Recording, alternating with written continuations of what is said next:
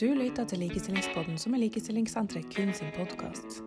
Dette er episode én i en serie av fire som handler om eldre og seksuell helse. Jeg er Linn Braseth Gulliksen, redaktør. Med meg i studio har jeg Håkon Aars. Jeg heter Håkon Aars. Jeg er lege og er spesialist i psykiatri og samfunnsmedisin. Har også tatt en master of public health. Jeg er også spesialist i klinisk sexologi, som ikke er det egentlig inkludert som en sånn legespesialitet, men vi har i Skandinavia laget en såkalt autorisasjonskriterium for å kunne kalle seg det. Og uh, mitt primære fokus i forhold til min jobb er jo å jobbe med samliv og seksualitet her på Institutt for klinisk sexologi og terapi. Mm. Hvorfor er seksuell helse en viktig del av eldres totale helsebilde? Fordi at uh, det, det, som er viktig ved det, er jo at veldig mange eldre tror at seksualiteten, på en måte, seksuallivet, er noe som hører med til, å, til unge mennesker, til å få barn, til å liksom, At de tror at det, på en måte litt blir borte når man blir eldre. Mange eldre mennesker legger det litt bort. Uh, I den tro at uh, nå er det på en måte litt over. Det henger jo også sammen med at veldig mange kvinner når de har kommet og, og ja, vært i overgangsalderen og ferdig med overgangsalderen, så sliter de litt med seksuell lyst. Så de kan jo ofte si til ektemannen at 'nå har jeg ikke så veldig mye lyst lenger'. Så legger man på en måte lokk på det. Men poeng, mitt poeng er at uh, det blir en definisjon av seksualitet som blir veldig innskrenket. Altså Det betyr på en måte at uh, nå skal vi ikke ha samleie lenger, nå skal ikke, nå skal vi slutte med det. Men da slutter veldig mange eldre også med å ta på hverandre, være nær hverandre og gli litt bort fra hverandre. Så mitt fokus er mye dette at en del voksne mennesker kommer til meg og har lyst til å fortsette sitt ekteskap eller samliv, men de sliter med at kanskje hun eller han eller begge to har lagt det på hylla og, og, og vet ikke hvordan de skal nærme seg hverandre følelsesmessig igjen. Ta vare på følelsene, ta vare på det gode forholdet. Jeg jobber jo både med, med, med heteropar og med likkjønte par, så det er jo på en måte litt av det samme. Eh, alle, alle, sliter med det. Og så kommer jo i tillegg dette med at eh, når man kommer litt opp i årene, sånn som jeg selv er, så får man jo en del sykdommer ofte, dessverre. En del kroniske sykdommer som legger litt lokk over det med seksuell helse. Det betyr at får man hjerte-karproblemer, får man diabetes, får man kreft, så kan det ofte ramme den seksuelle helsen.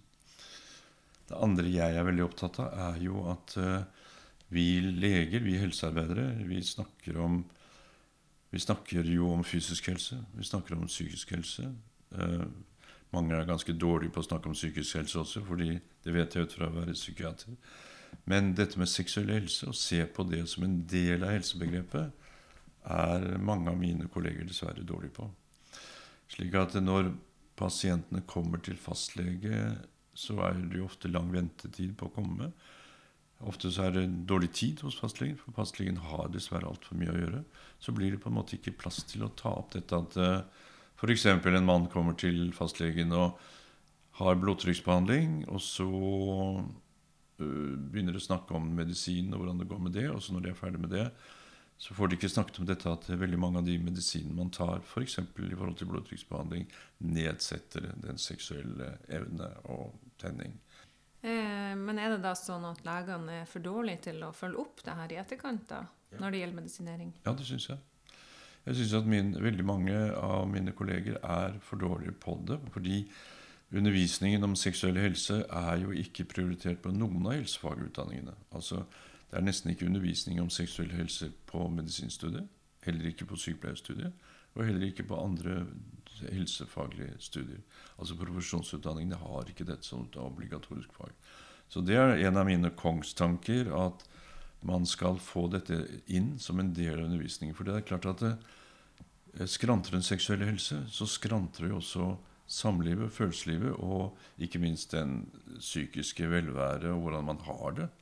Altså Jeg vet jo fra mitt ståsted her på dette kontoret at uh, det betyr så mye i forhold til å ha det bra med tilværelsen og livet. Og også når man blir eldre. Og, og ikke minst eh, hos par som har hatt barn. Barna flytter ut, de blir plutselig så er de alene. Barna klarer seg selv. mange eldre sliter jo med dette at de føler at vennene faller bort. Eh, mange er, mister jo partner og blir alene. Slik at det, hele dette rundt den seksualiteten og seksuelle helsen på en måte blir lagt på hylla, på en måte sånn som jeg innledet med. Mm. Jeg har intervjua flere til de her podkastepisodene som understreker dette med at seksualiteten eh, i større grad burde oppfattes som en ressurs når det gjelder helsa generelt. Det er jo det. Og det er, øh, og det er veldig mye å si om dette, fordi at øh, altså unge mennesker Det er unge mennesker i dag, da. De er jo omgitt av dette med porno. ikke sant? Det er to tastetrykk, så er de inne og kan se holdt på å si hva som helst. Og hele den der pornografiske informasjonen som går på å se dette, er jo egentlig å se folk som er plukket ut på audition som kvinner som er liksom sylslanke, som har store pupper, menn som har svære peniser, ikke sant? og de får orgasmer med hyl og skrik og nesten som taket detter ned. Så sitter unge mennesker og tenker at det er sånn det skal være. Og eldre mennesker tenker jo at det er noe som hører ungdommen til, det blir, og det blir borte, og, og vi er ikke sånn. Så det er noe med å, som jeg syns er viktig å si, at vi er alle alminnelige.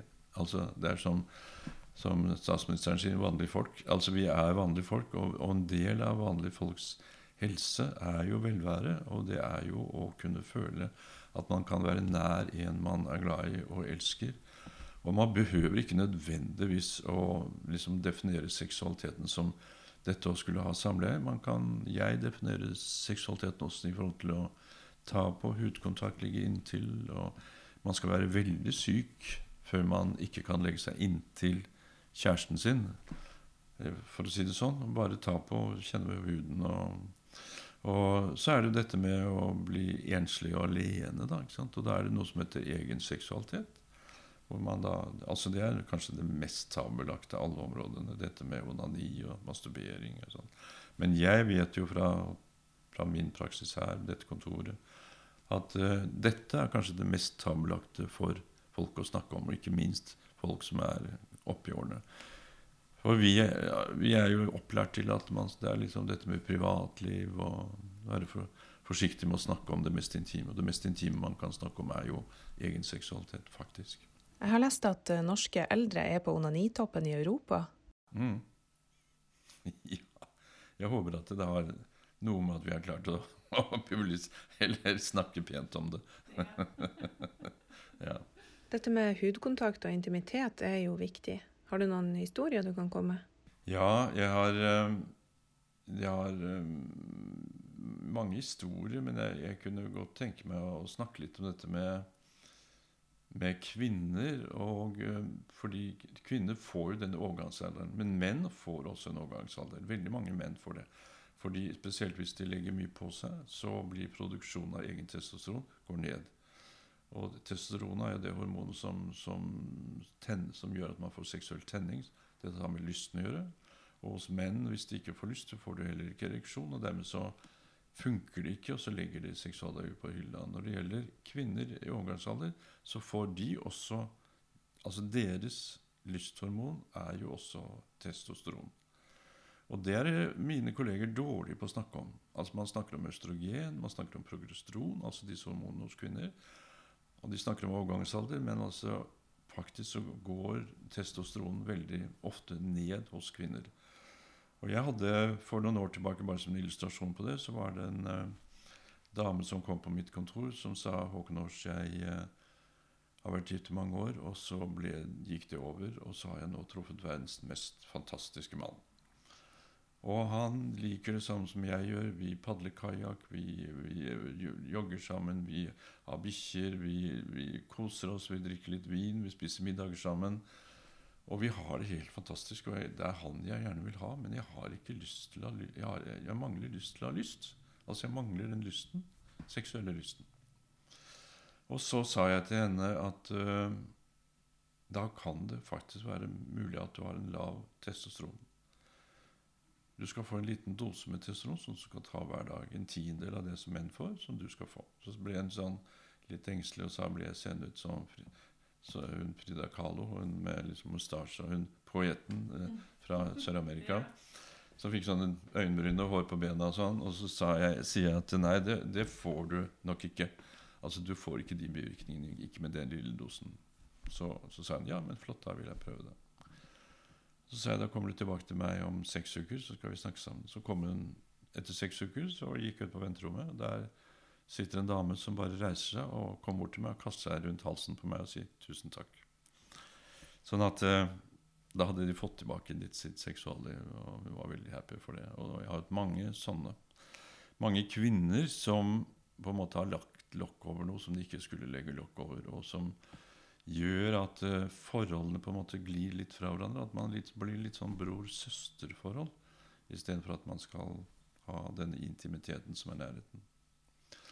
Og da snakker jeg med veldig mange av uh, de som kommer hit, av voksne uh, par som sliter med dette. Så sier jeg dere kan jo ligge inntil hverandre. Dere kan, også Selv om han f.eks. har en alvorlig sykdom, MS, diabetes Han har vært kanskje operert for kreft, altså alle disse tingene.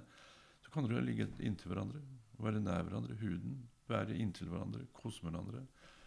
Intimiteten og huden er jo kjempeviktig. Altså, Vi kan bare kjenne etter at det er det. ikke sant? Mm. Så, eh, så, det går an å, å ta eh, testosteron. Er det, hvem er det som skriver ut sånt? Er det, eh, altså kan, kan fastlegene gjøre det? Har de noe kompetanse de på det. dette? Og jeg driver og reiser land og strand rundt og snakker, holder foredrag om dette her. Og jeg ikke minst snakker med mange gynekologer. Eh, ikke minst kvinnelige gynekologer er jo ofte veldig kloke damer. Og de, nå har det på en måte blitt Dette er internasjonalt anerkjent at man skal kunne gjøre. Så jeg håper jo at mine kolleger blir flinkere og flinkere til å gjøre dette. Jeg opplever, men jeg opplever veldig mange kvinner som på en måte tenker at ja, ja, nei, men nå, er, nå har jeg kommet til overgangsalderen, nå er det slutt. Og, altså på en måte tror at man skal legge lokk på det. Men det er feil. Mm. Ja. Ja, nei, men spennende nesten. Så da er det faktisk eh, nesten en slags eh, Det, det kan potensielt være en quick fix på noe. Litt ja, raskere enn man kanskje kunne tro. En kvikk og kvikk, men i hvert fall Jo, altså det kan man godt si. Så er det selvfølgelig å Dette med seksualiteten handler jo selvfølgelig veldig mye om eh, det du jobber med, kommunikasjon. Jeg er veldig opptatt av kommunikasjon. Fordi det handler om kommunikasjon i parforholdet. Det handler om å kunne snakke sammen. Jeg blir av og til litt sånn lei meg når jeg går ut på restauranter og ser eldre mennesker som sitter og, og skal spise en hyggelig middag, som ikke snakker sammen. Så tenker jeg mm, Det er noe med å kommunisere. Man kommuniserer med stemmen, sånn som du og jeg gjør nå, men man kommuniserer også i et forhold med, med, med kroppene, med nærheten. Og så Om da ikke ting, den rent sånn seksuelle funksjonen fungerer pga. at man har en sykdom, så er likevel den der intimiteten og huden og nærheten så viktig. For å, dette å komme, møte hverandre, gi hverandre et kyss, uh, ta på hverandre, gi hverandre en god klem, er jo så viktig. Veldig opptatt av det. Vise affeksjon. Mm. Mm. Mm.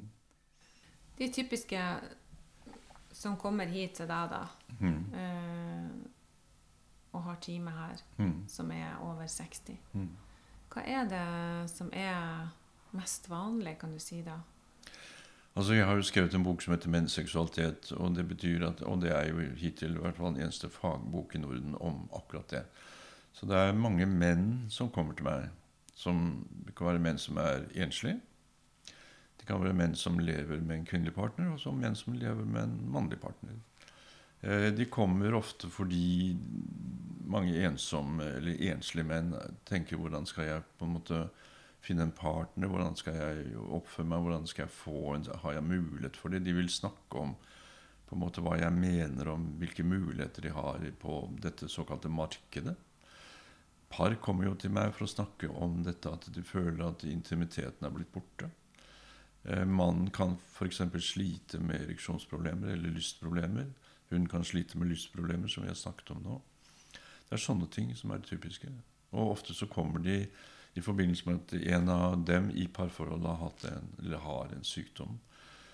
Det kan ofte være at de um, lurer litt på at uh, de står på medisiner. De føler at de har ikke fått god nok informasjon om bivirkning av disse medisinene, og lurer på om det kommer inn på den seksuelle helsen, på seksualiteten, og da snakker vi om det. Eh, mange kommer her for én eller to konsultasjoner, men veldig mange kommer her mange ganger for å føle at de har en profesjonell tredjeperson å kunne snakke med om dette som de syns er veldig intimt og vanskelig, og som de syns er vanskelig å dele med andre.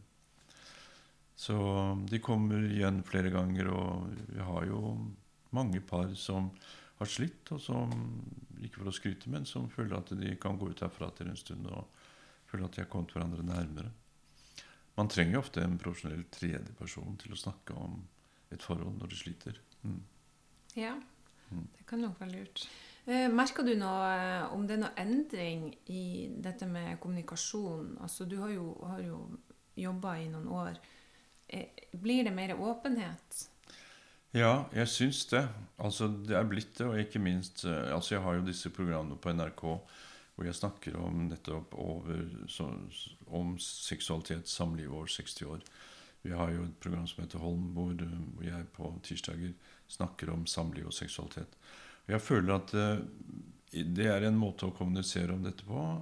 Jeg tenker at uh, dette at vi er en del som er sexologer, som, som åpner opp for i samfunnet at vi, det, er, det, er, lov, det fins fagpersoner man kan komme til å snakke om de problemer som oppstår i forbindelse med at man altså, blir eldre. Og, men det er jo akkurat som det er som en sånn slags tabuisering jeg, jeg syns ofte eldre blir Eldre tror, eller de blir satt i en klasse hvor de sier at å ja, nå er det over. Altså Man blir pensjonist, man skal slutte å jobbe, barna er voksne. Så blir det barnebarn, så får man en sykdom. Eh, og så blir det på en måte en sånn sirkel hvor man, man liksom glir ut av den intimiteten og nærheten til hverandre og blir opptatt av at sånne ting eh, Jeg har en, en holdt på å si, doktorklubb hvor, hvor av godt voksne leger hvor vi sier at det er lov til å snakke med, innad i vår klubb snakke om én sykdom og ett barnebarn. ja. så skal vi snakke om andre ting. Ja. Ikke sant? Mm. Ja, altså det er noe med at eh, hele vårt samfunn er jo nå veldig innstilt på at man skal være ung og, og, og ekspansiv og jobbe og være effektiv. Det er veldig fokus på ungdom, syns jeg. Også i forhold til våre medier, altså avisene, det er min egen kanal NRK, veldig fokusert på ungdom. Alt som skjer, er jo rettet mot unge mennesker. Underholdning, alt. Ja. ja. Det var et lite spark til mediene på det. Det er akkurat som eldre mennesker på en måte blir litt sånn ut Altså de blir satt på siden. Akkurat som de sier at 'nå har du gjort jobben din', nå, nå, nå kan du pensjonere deg nå. At man, og, man, og, veldig mange mennesker tror at, at eldre mennesker ikke har et uh, seksualliv. Jeg hadde en gang en, en, dame som kom til meg og som sa at uh, det var så fælt, for at uh, nå hadde faren hennes, som da hadde mistet hennes mor da, altså for noen år tilbake, og var enkemann, da hadde han funnet seg en ny dame. Og så sa hun de der ordene. Hun sa Gud veit hva de holder på med. Jeg, jeg syns det er helt ekkelt å tenke på at de, de, altså de ligger der i den derre dobbeltsenga. Liksom. Det er akkurat som det skulle være noe ekkelt. Ja. Ja. Og det syns jeg er trist. Ja. Fordi seksuallivet er jo ikke ekkelt. Nei. Det er jo, skal være givende, godt, inspirerende. Ja. Mm. Hvordan responderte du til Jeg ble jeg prøvde ikke å bli sint. Ja. jeg prøvde mer å si at uh, Kan du ikke bli kjent med denne damen? Kan du ikke se at dette er bra for din far? Kan du ikke se at dette er en avlastning for deg i forhold til deg og, og det du føler at du må gjøre for din far? Kan de, er ikke strålende å kunne bli møtt av kanskje en veldig hyggelig dame? Hun, moren din er jo død, og det er jo ikke noe du kan gjøre noe med. Kanskje du kan møte en dame som kan gi veldig godt livskvalitet til din far? Så så han på meg og så sa han, jo, jo, du har vel rett. Og så kom hun faktisk tilbake etter en stund og sa at du, du hadde rett. Hun var hyggelig. Ja. Mm. Eh, jeg intervjua jo Siren Eriksen i forrige uke, og da snakka hun også om dette med, med barn. At eh, barna har ikke De har egentlig ikke så mye de skulle ha sagt når det kommer til sine foreldres seksualitet. Nei, det, det har de heller ikke. Nei. Men eh, det er liksom bare det jeg er opptatt av, hvordan man kategoriserer mennesker Mm. fra yngre, hvor det liksom skal være livskraftig og ha en seksualitet til at man blir eldre, og så skal man plutselig ikke ha det. At det, Ja. at det er noe som ikke er Ja. Ja. Det, Men det er jo litt unaturlig at det bare Ja. skal stoppe av seg sjøl. altså, jeg har, jeg har jo faktisk hatt Jeg husker en gang jeg jobbet eh, for mange mange år siden, så jobbet jeg som fastlege. En veldig flott eldre dame fra Os Oslo vest, liksom.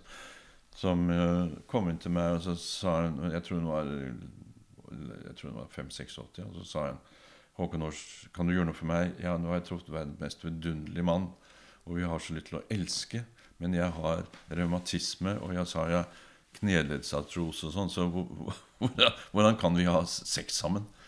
Og så var jeg helt sånn rett på. Og så sa jeg ja, men da kan du finne sånne og sånne stillinger og få til det. og sånn. Vi gikk hun ut og sa var kjempehappy. Ja. Så det var flott. ja. Mm. Det, det fins en måte for de fleste. Ja, det gjør det. Ja. Mm. Hva med Viagra? Mm. Er det fortsatt en Viagra er jo et eget kapittel i seg selv. Altså, det var jo en medisin som kom på markedet i 1996. Det var en medisin som egentlig var utviklet og prøvet ut på, i, i, i New England, på, på, Harvard, tror jeg det var, i forhold til å skulle finne en ny hjerte-karmedisin. Og så de, utforsket de denne på spesielt mange menn, og så kom disse mennene og så veldig happy ut. Og så viste det at de hadde jo da hadde jo det, dette medikamentet en hovedvirkning, og det var at den hjalp på ereksjon. Så det var oppdagelsen av Viagra. Og i dag er jo Viagra like godt kjent som Coca-Cola i hele verden. ikke sant? Det er sånn brand name. Alle vet om denne blå pillen.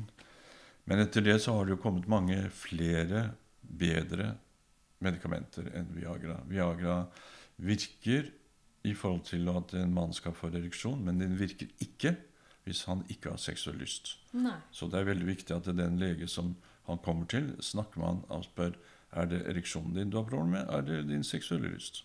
Mm. Da kan det godt hende at den mannen har en dårlig produksjon av testosteron og må få tilført testosteron. Så er det kommet andre gode ereksjonsfremmende medikamenter som alle sammen også må ha man må ha seksuell lyst for at de skal virke. Veldig mange av mine kolleger vet ikke det, og så ble Viagra frigitt og selges på apoteket. Og som jeg snakket med en apoteker jeg kjenner veldig godt, hun sa hvor man da skal spørre pasienten når, når de kommer inn på apoteket har du hjerte-karlidelse, har du sånn eller sånn. Men de skal også egentlig spørre har du seksuell lyst. Ja. Men de sier jo at det kan ikke stå og rope ut det på apoteket. 'Herr Hansen, har du seksuell lyst?' Nei. Det blir jo litt vanskelig. Ja. Så jeg er jo ikke noe særlig happy for de Viagra som er frigitt uten resept. Jeg tenker at de trenger å komme til en lege og snakke om dette her, og få skikkelig informasjon. Og så få resept på et medikament. Om det er Viagra eller Cialis eller et av disse andre medikamentene. Så det fins også andre Ja, ja, ja. kombinasjonsprodukter kan Absolutt. si. Ja, Det- som er bedre. Mm. Mm. Seksualitet handler så veldig mye mer om enn bare et samleie. Det handler om dette med nærhet, intimitet, kroppskontakt, kommunikasjon. Eh, dette å ha noen være sammen med, dele det intime som seksualiteten er, og dele nærvær og livet. Jeg tenker at det er kanskje det aller, aller viktigste. Og det er når vi er blitt godt voksne, så har vi ofte blitt fritatt for å jobbe. Og vi har mye tid. Og vi har tid til å være sammen og nyte tilværelsen sammen.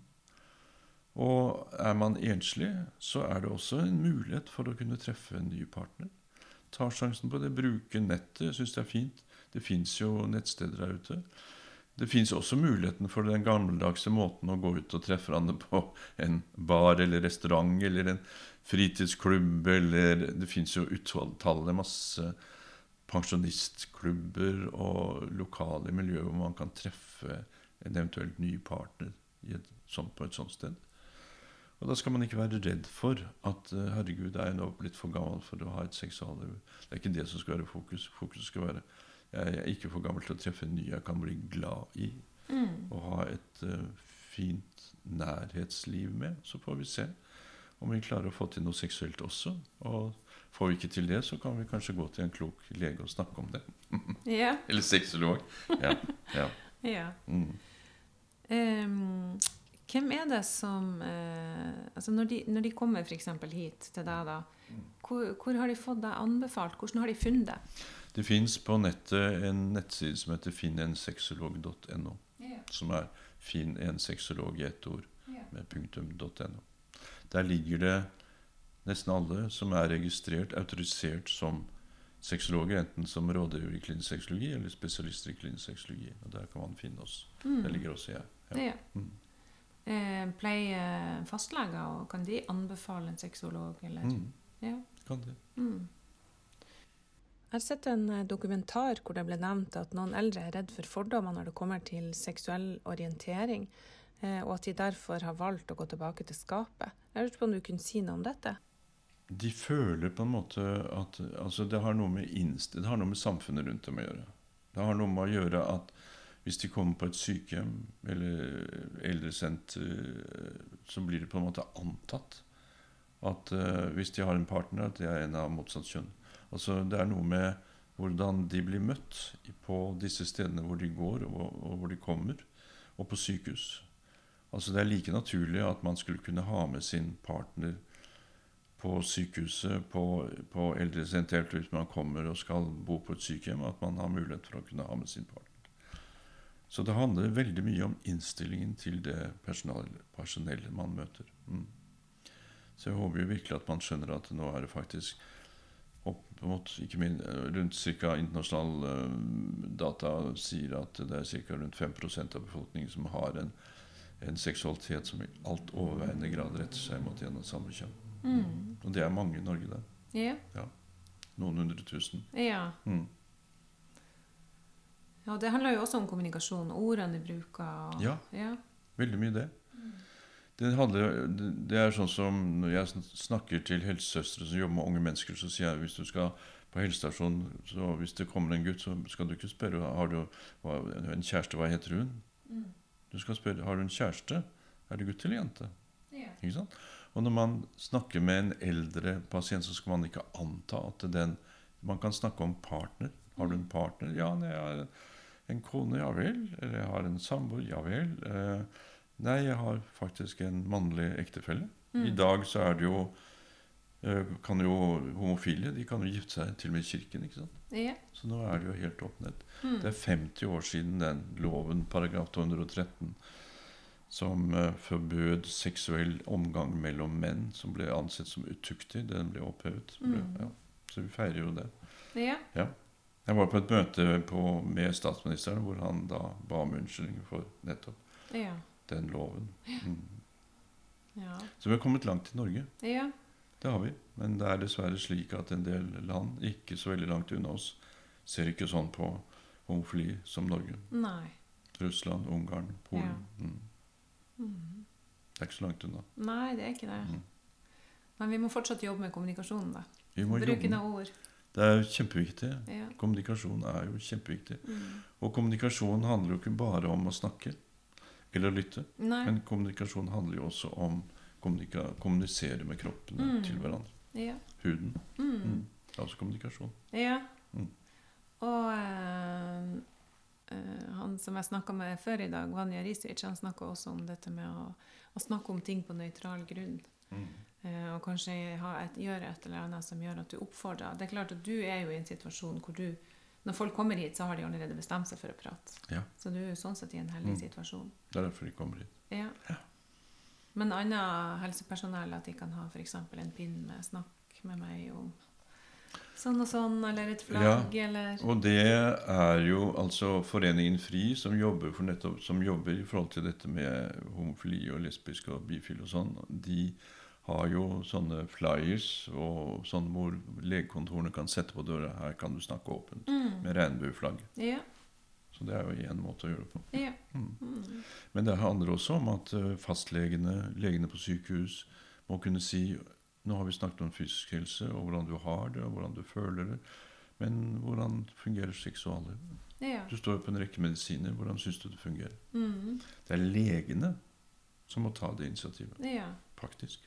Men per i dag så er ikke det vanlig at de Altfor dårlig, i hvert fall. Ja. Veldig ofte. Det ikke jeg holder jo kurs for leger, og de gir jo det tilbakemeldingen. Ja, nei, vi er visst vi det. Og de gir også tilbakemelding at de har lært for lite om det på studiet. mm. Rett og slett. Ja.